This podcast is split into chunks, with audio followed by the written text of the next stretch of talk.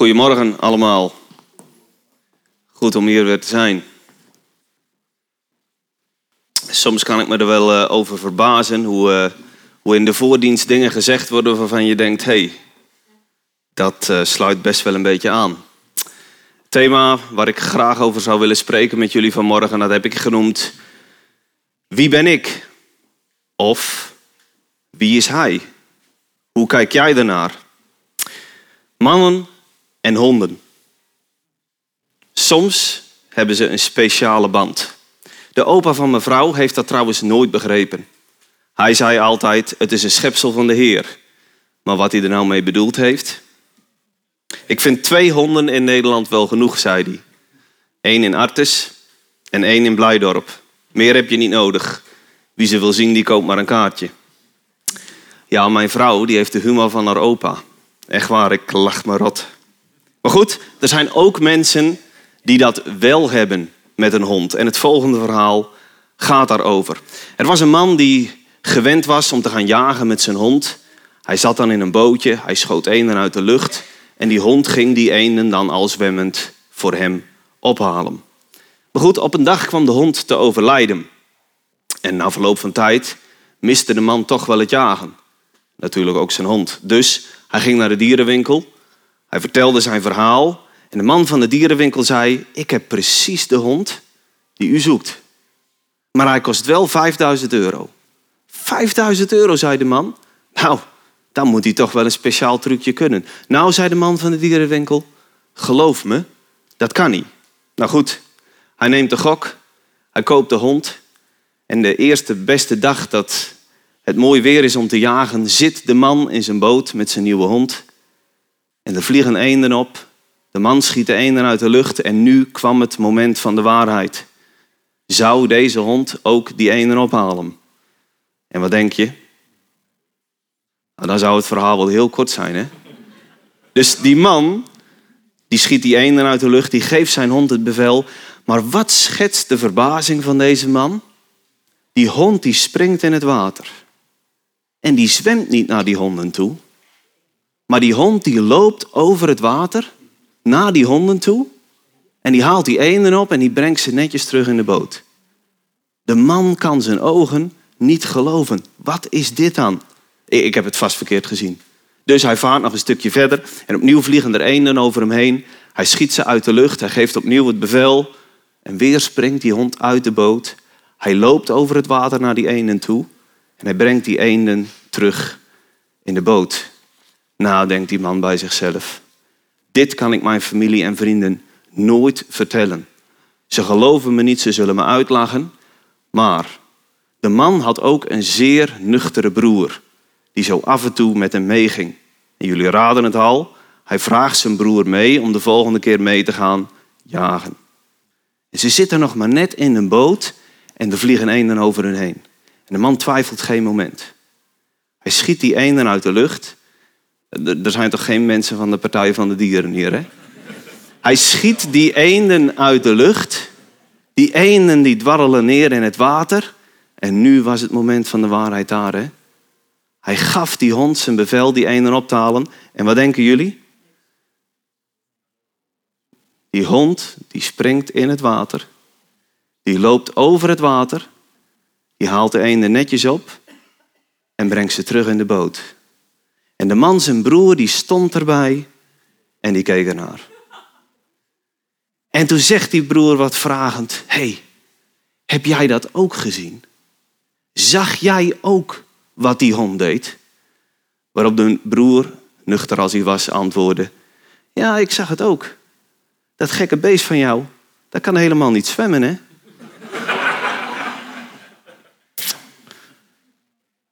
Hoe kijken wij naar de dingen, broeders en zusters? Hoe kijken wij? Ik ben een beetje bang dat dit verhaal ook wel een beetje de realiteit schetst van vele gelovigen. Ik denk werkelijk dat er mensen zijn met een groot probleem. En wanneer je de wortel van dat probleem niet snapt of niet aanpakt, blijf je met dat probleem zitten. Dat probleem heeft alles te maken met kijken naar jezelf op een verkeerde manier.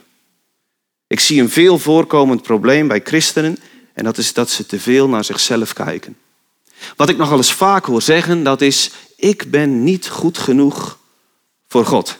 Nou, kan je vertellen, dat zul je ook nooit zijn. Bemoedigend, hè? Wanneer wij alleen maar kijken naar onszelf, wie ben ik, dan zullen we inderdaad tot de conclusie komen, ik ben niet goed genoeg. Maar we zouden anders moeten kijken. We zouden moeten kijken naar wie is Hij. 1 Korinthe 6 vers 11. De tekst komt, als het goed is, op het scherm, als de beamer het doet. De beamer doet het. 1 Korinthe 6 vers 11 zegt dit. Maar u bent gereinigd. U bent geheiligd. U bent rechtvaardig verklaard. In de naam van de Heer Jezus Christus en door de geest van God. Wat een bemoediging, hè? Wat een tekst, lieve mensen. En als de Bijbel dat zegt, dan kun je toch eigenlijk niet meer twijfelen over het feit of jij goed genoeg bent. We zijn niet goed omdat wij dat zijn. We zijn goed omdat Hij dat zegt. En om wat Jezus Christus aan het kruis van Gogolta gedaan heeft. Het is nu niet meer wie ben ik. We moeten het omdraaien. Wie is Hij? En volgens mij ligt daar het antwoord van ons probleem. We moeten gaan begrijpen wie God is en wil zijn voor ons. Dat is de basis van ons geloofsleven. Jezus zegt in het hoge priesterlijke gebed, dit nu is het eeuwige leven. Dat zij u kennen. De enige waarachtige God. Het gaat niet om ons, wie ben ik? Het gaat om Hem, wie is Hij? Een van de grootste godsmannen uit het Oude Testament had te kampen met precies dezelfde problemen. En we zien bij hem heel mooi hoe God de focus niet legt op de man zelf, maar hoe God de focus legt op hem. Je moet kijken naar mij. En we gaan dat samen lezen. Mozes bij de brandende braamstruik, Exodus hoofdstuk 3, vers 6 tot en met vers 12. Exodus 3, vers 6 tot en met vers 12. Ik ben de God van je vader, de God van Abraham, de God van Isaac en de God van Jacob. Mozes bedekte zijn gezicht, want hij durfde niet naar God te kijken. De Heer zei, ik heb gezien hoe ellendig mijn volk er in Egypte aan toe is. Ik heb hun jammerklachten over hun onderdrukkers gehoord. Ik weet hoe ze lijden. Daarom ben ik afgedaald om hen uit de macht van de Egyptenaren te bevrijden en om hen uit Egypte naar een mooi uitgestrekt land te brengen. Een land dat overvloeit van melk en honing. Het gebied van de Canaanieten, de Hethieten, de Amorieten, de Perisieten, de Shiwieten en de Jebusieten. De jammerklachten van de Israëlieten is tot mij doorgedrongen en ik heb gezien hoe vreed de Egyptenaren hen onderdrukken. Daarom stuur ik jou nu naar de farao. Jij moet mijn volk, de Israëlieten, uit Egypte wegleiden. Maar Mozes zei, maar wie ben ik dat ik naar de farao zou gaan en de Israëlieten uit Egypte zou leiden? God antwoordde, ik zal bij je zijn. En dit zal voor jou het teken zijn dat ik je heb gestuurd. Als je het volk uit Egypte hebt weggeleid, zullen jullie God bij deze berg vereren. God roept Mozes voor een geweldig grote taak. Hij moet zijn volk gaan leiden en bevrijden uit Egypte. En meteen legt Mozes de focus op zichzelf, wat ik wel begrijp. Ja, maar wie ben ik? Wie ben ik dat ik dat kan doen? En gelijk draait God de focus om. Zo moet je niet kijken, Mozes. Ik ben bij je. Ik zal je leiden. Ik zal het doen. En de versen hierna, als je verder leest, dan, uh, dan lezen we alle smoesjes die Mozes verzint om niet te gaan. En in die smoesjes richt Mozes zich vooral op zijn eigen onbekwaamheid. Ik kan dit niet, ik kan dat niet. Wie ben ik? Terwijl God had gezegd, ik ben met u, ik zend u. Wie is Hij? Al die smoesjes van Mozes zijn ten diepste verborgen in die drie woorden. Wie ben ik? Ik kan het niet, want ik ben niet goed genoeg. Maar Mozes had niet naar hemzelf moeten kijken. Hij had eigenlijk moeten luisteren naar God. Die had gezegd, ik ben met u. Wie is hij? En broeders en zusters, dat is in onze situatie niet anders. Hè? In alles wat we mogen of moeten doen, kunnen wij en moeten we eigenlijk tegen onszelf zeggen, God is met mij. Ik kan alles doen omdat Hij bij mij is. Ik weet niet tegen welke berg jij op dit moment aankijkt. Ik weet niet in welke situatie je zit, maar dit weet ik wel. God is erbij. En in die drie woorden moeten eigenlijk genoeg zijn. Want wie is Hij? Maar ik geloof dat het probleem bij Mozes nog veel dieper lag in het kijken naar hemzelf. Mozes wist niet wie God was. Mozes wist niet wie God wou zijn voor hem. En waarom zeg ik dat nou? Als je verder leest in Exodus, dan vraagt Mozes aan God in Exodus 3, vers 13, dat is het vers na het gedeelte wat wij gelezen hebben, ja, maar in naam van welke God kom ik tot de Israëlieten? Vinden jullie dat geen vreemde vraag? Welke God stuurt mij nou eigenlijk? Waarom stelt Mozes zo'n absurde vraag? Want gelijk in het eerste vers wat we net gelezen hebben, had God al gezegd wie hij was. Ik ben de God van Abraham, Isaac en Jacob. En toch stelt Mozes deze vraag. Eigenlijk is Mozes niet bang dat de Israëlieten niet snappen welke God hem gestuurd heeft. Ten diepste weet Mozes eigenlijk zelf niet wie God is en wil zijn voor hem. Er was nog geen relatie. Mozes kende God nog niet persoonlijk. We hebben ook net gelezen dat Mozes bang is voor God bij die brandende braamstruik.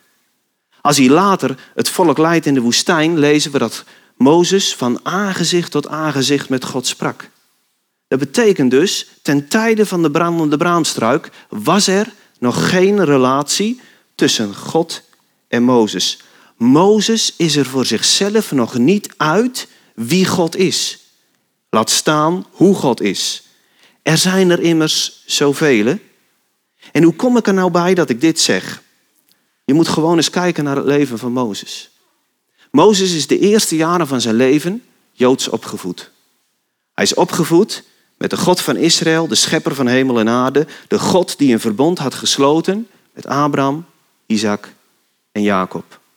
Maar op zeer jonge leeftijd kwam hij aan het hof van Egypte en leerde hij ook de goden van Egypte kennen. Want daarin werd hij opgevoed, lezen we. En dat is uiteraard zeer verwarrend voor zo'n jonge jongen. En er moet door zijn hoofd gespookt hebben, ja, wat, wat is nu eigenlijk de waarheid? En als Mozes 40 jaar is, slaat hij met al zijn twijfel een Egyptenaar dood. En we lezen in het boek Handelingen dat hij meende God te dienen hiermee. Dus ergens is Mozes zijn opvoeding niet vergeten. Maar het liep niet goed af voor hem. Want hij moest vluchten de woestijn in. En ik denk zelf dat het een grote teleurstelling in God moet zijn geweest voor Mozes. En ik vraag mij af of Mozes in die 40 jaar daarna in die woestijn nog wel contact heeft gehad met God. Of hij nog werkte aan zijn relatie met de Heer. We lezen later ook dat Mozes zijn zoon niet besneden had. Mozes is God kwijtgeraakt in die 40 jaar. Sommigen zeggen dan, ja, maar Mozes komt goed terecht hoor. Want Mozes komt in het huis van Jethro terecht. En Jethro, dat was een priester van God. Nou, daar ben ik nog niet zo van overtuigd. De Bijbel zegt dat Jethro een priester is van Midjan. Er staat niet dat hij een priester is van God. Ergens anders in de Bijbel komen we ook een verdwaalde priester tegen die een grote godsman ontmoet en dat is Melchizedek, die Abraham ontmoet.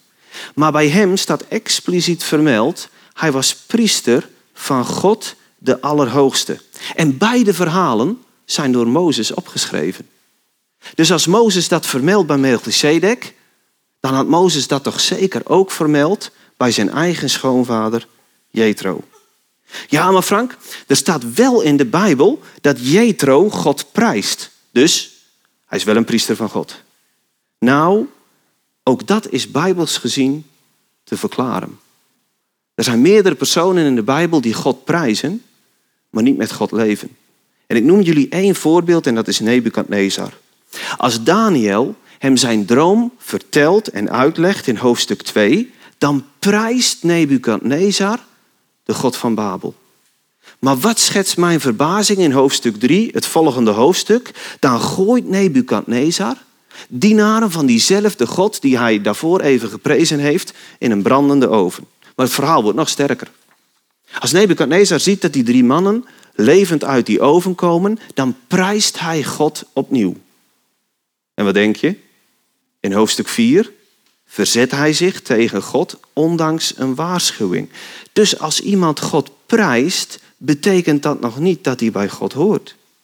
Of dat hij God zou kennen. Ja, maar Frank, bij Jethro is het anders. Jethro geeft Mozes ook een goed advies hoe hij het volk moet leiden. Ja, maar betekent dat dan dat Jethro een priester van God is? Er zijn ook wel mensen die niet gelovig zijn, maar wel een goed inzicht hebben in het leven en hoe je moet handelen bij moeilijke situaties. Je hoeft niet per se christen te zijn om een goed inzicht te hebben. Dus als je het mij vraagt, is Jethro geen priester van God, maar van een andere godsdienst. Die van Midjan dus. Precies zoals de Bijbel al vermeld had, hij was priester van Midjan. Dus, nog eventjes alles samengevat. Mozes, die dus eerst Joods opgevoed is, daarna Egyptisch en dan twijfelend, teleurgesteld in God de woestijn invlucht, komt in huis te wonen bij een priester van een andere godsdienst. Ik denk, en eigenlijk weet ik het wel bijna zeker, dat Mozes vertwijfeld was en verward op het geestelijk gebied. Niet meer wetend wat hij nou moet geloven. Wie is God eigenlijk? En nog veel belangrijker, hoe is God? Alleen de mensen om hem heen merkten er niks van. Mozes kon zijn twijfel erg goed verbergen, zelfs in zijn vraag naar God toe. Hij doet net alsof hij het vraagt namens de Israëlieten. Ja, maar in welke God, welke God heeft me dan gezonden? In naam van welke God kom ik dan? Eigenlijk vraagt Mozes met een omweg, met welke God heb ik hier eigenlijk te maken? Is het de God van de Neel? Is het de God van de zon? Is het toch de God van Midjan? Wie bent u? Wat voor Godsbeeld heeft deze Mozes eigenlijk gehad? Mozes stelt deze vraag eigenlijk voor hemzelf. Wie bent u dan, Heer? En dat is dan ook de basis. Niet alleen voor Mozes, maar voor ons allemaal. Als je wilt weten wie je mag zijn in God, dan moet je eerst weten wie God wil zijn voor jou. En het antwoord van God is prachtig. Het antwoord dat God geeft aan Mozes is prachtig. Wie bent u dan, Heer? En dan zegt God, ik ben die ik ben. Ik ben er. Mozes, ik zal er altijd zijn. Ik ben een onwankelbaar fundament. Ik zal er altijd voor jou zijn. Ik ben onveranderlijk en dat geldt ook voor ons. God is altijd nog dezelfde. Onze God is nog steeds de ik ben die ik ben. Hij zal er altijd zijn. Wat je ook doet, waar je ook mee bezig bent, Hij is altijd in de buurt. Je kunt altijd terugvallen op Hem. En dat is God. Dat is onze God. Voor Mozes is die ontmoeting bij de braamstruik niet alleen zijn roeping, maar ook zijn bekering. Zijn eerste echte kennismaking met de levende God. En Mozes moest een stap gaan zetten in de richting van God om Hem te gaan volgen, zonder dat hij God eigenlijk werkelijk kent. En, en ik denk dat dat voor iedereen geldt. Als je tot bekering komt en die stap zet in de richting van Hem, dan weet je nog niet wie Hij is. Dan weet je ook nog niet hoe Hij is. We zullen allemaal die eerste stap in een bepaalde onzekerheid zetten. En dan pas ga je gaandeweg ontdekken wie Hij is. Jouw identiteit in God kan pas tot stand komen als je werkelijk met Hem optrekt. In Hem blijven is zo belangrijk. Zoals Jezus al zegt in Johannes hoofdstuk 15, blijf in mij. Dan zal ik ook in u blijven. Je zult tijd met Hem door moeten brengen. Wil je Hem werkelijk leren kennen? Je zult gemeenschap moeten hebben, aan je relatie moeten bouwen, ontdekken wie Hij is en wil zijn, gewoon voor jou persoonlijk. En gaandeweg zul je dan ook ontdekken, inderdaad, Hij is er altijd bij. Overal waar ik ga, zie ik dat Hij bij me is. Dat is de God die Hij is. Dat is de God die Hij wil zijn, ook voor jou. Ik ben er. Het maakt niet uit wie jij bent. Het gaat erom wie ik ben, zegt God. En als je God wilt leren kennen, wilt ontdekken wie Hij is, dan zul je met Hem moeten wandelen. Dan zul je je moeten verdiepen in Hem. En ik geloof zelf persoonlijk dat de Bijbel daarin nog altijd de meest belangrijke bron is. Mozes was verward door de vele dingen die hij hoorde. Als wij onze informatie over hoe God is en wie God is overal vandaan zouden plukken, dan zouden we verward raken. Lieve mensen, wie spreekt er tegenwoordig nog de waarheid? Er gaan zoveel verhalen de ronde. Maar wie spreekt er nou echt nog de waarheid? Iedereen claimt de waarheid te hebben. Maar wie spreekt er nou echt nog de waarheid? Maar er is maar één echte waarheid. En dat is Jezus. Het levende woord. Hij die over hemzelf zegt, ik ben. Dan komt het weer terug. Dezelfde ik ben die tegen Mozes zei, is ook Jezus. Die ook over hemzelf zegt, ik ben de weg. Ik ben de waarheid. Ik ben het leven en niemand komt tot de Vader dan door mij. Wij hebben Jezus zo nodig. Vele christenen zeggen, ik ben niet goed genoeg. Want ik maak nog fouten. Ik ben zelf tien jaar jeugdleider geweest bij ons in de gemeente. En of je het gelooft of niet, we waren altijd op zoek naar nieuwe mensen. We hadden altijd nieuwe krachten nodig. Je zou zeggen, je zit in een grote gemeente, dat klopt. Maar er was ook veel jeugd. Dus ook veel leiders nodig. En in al die tien jaar waren we altijd op zoek naar andere mensen. We hadden vaak mensen op ons hart of op onze lijst. En die benaderden we dan. Die vroegen we dan, wil je jeugdleider worden? En, en weet u, wat negen van die tien antwoorden? Ik ben nog niet goed genoeg. Daar ben ik niet goed genoeg voor. Nee, ik ben, ik ben, ik ben niet goed genoeg voor die taak. Er zijn nog wat dingen in mijn leven. Nee, dat zou ik nooit kunnen doen. Ik ben niet goed genoeg. Maar ik kan je wel vertellen dat als jij wacht totdat je eindelijk goed genoeg bent, dan zul je nooit in beweging komen.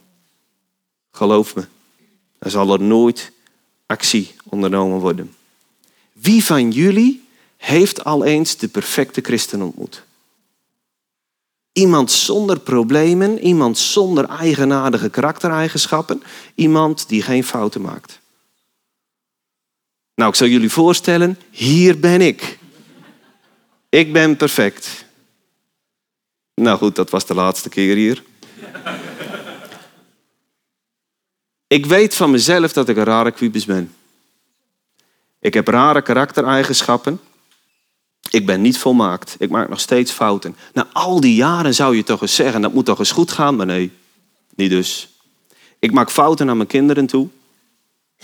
Ik maak fouten naar mijn vrouw toe.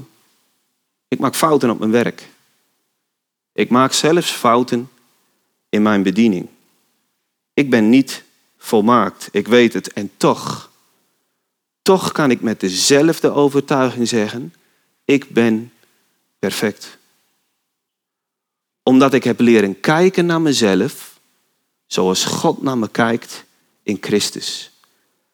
In al die jaren dat ik met Hem wandel, mocht ik ontdekken wie ik mag zijn in Hem. Dat is wel belangrijk, hè? In Hem. Maar in Hem ben ik perfect. En lieve mensen, daarom hebben wij Jezus zo nodig. Omdat Hij perfect was. omdat Hij volmaakt is. Hebreeën 7, vers 26 zegt het zo mooi. Zulk een hoge priester hadden wij ook nodig. Zonder schuld of smet, heilig. Omdat Hij perfect was, ben ik dat ook. Zolang ik in Hem blijf. Het is niet meer wie ben ik, het is wie is Hij. En diezelfde Jezus zegt in Johannes hoofdstuk 17, vers 19: Ik heilig mijzelf voor hen, opdat ook zij geheiligd mogen zijn in waarheid. En er zijn nog veel meer teksten die precies hetzelfde zeggen. Maar dat mogen jullie zelf gaan ontdekken. Dat mogen jullie zelf gaan ontdekken in je wandel met Hem. In je wandel met Hem mag je ontdekken wie Hij wil zijn, ook voor jou. En ik bid jullie toe dat jullie ogen daarin geopend mogen zijn. Ik wil ook nog een moment voor jullie bidden als jullie dat goed vinden. Vader in de hemel, we danken u Heer voor wie u bent en voor wat u doet altijd weer. Dat we dat mogen lezen in uw woord, maar dat we dat ook mogen ontdekken in onze wandel met u. En ik bid Heer dat uw Heilige Geest ons bij zal staan daarin. Heer, dat uw Heilige Geest onze ogen zal openen. Dat we niet meer blind zullen zijn. Dat we onszelf niet blind zullen staren op onszelf. Op onze problemen, op onze tekortkomingen. Maar dat we mogen kijken naar Hem. Hem die perfect was. En zichzelf gegeven heeft, opdat ook wij perfect mogen zijn. En ik bid, Heer, dat u ons daarbij wilt helpen. Dat uw Heilige Geest ons zal laten zien wie we mogen zijn in u. En gemeente, ik wil jullie daarin ook zo zegenen. Ik bid dat jullie mogen ontdekken wie je mag zijn in Hem. En ik zegen jullie daarin. In de naam van Jezus. Amen. Amen.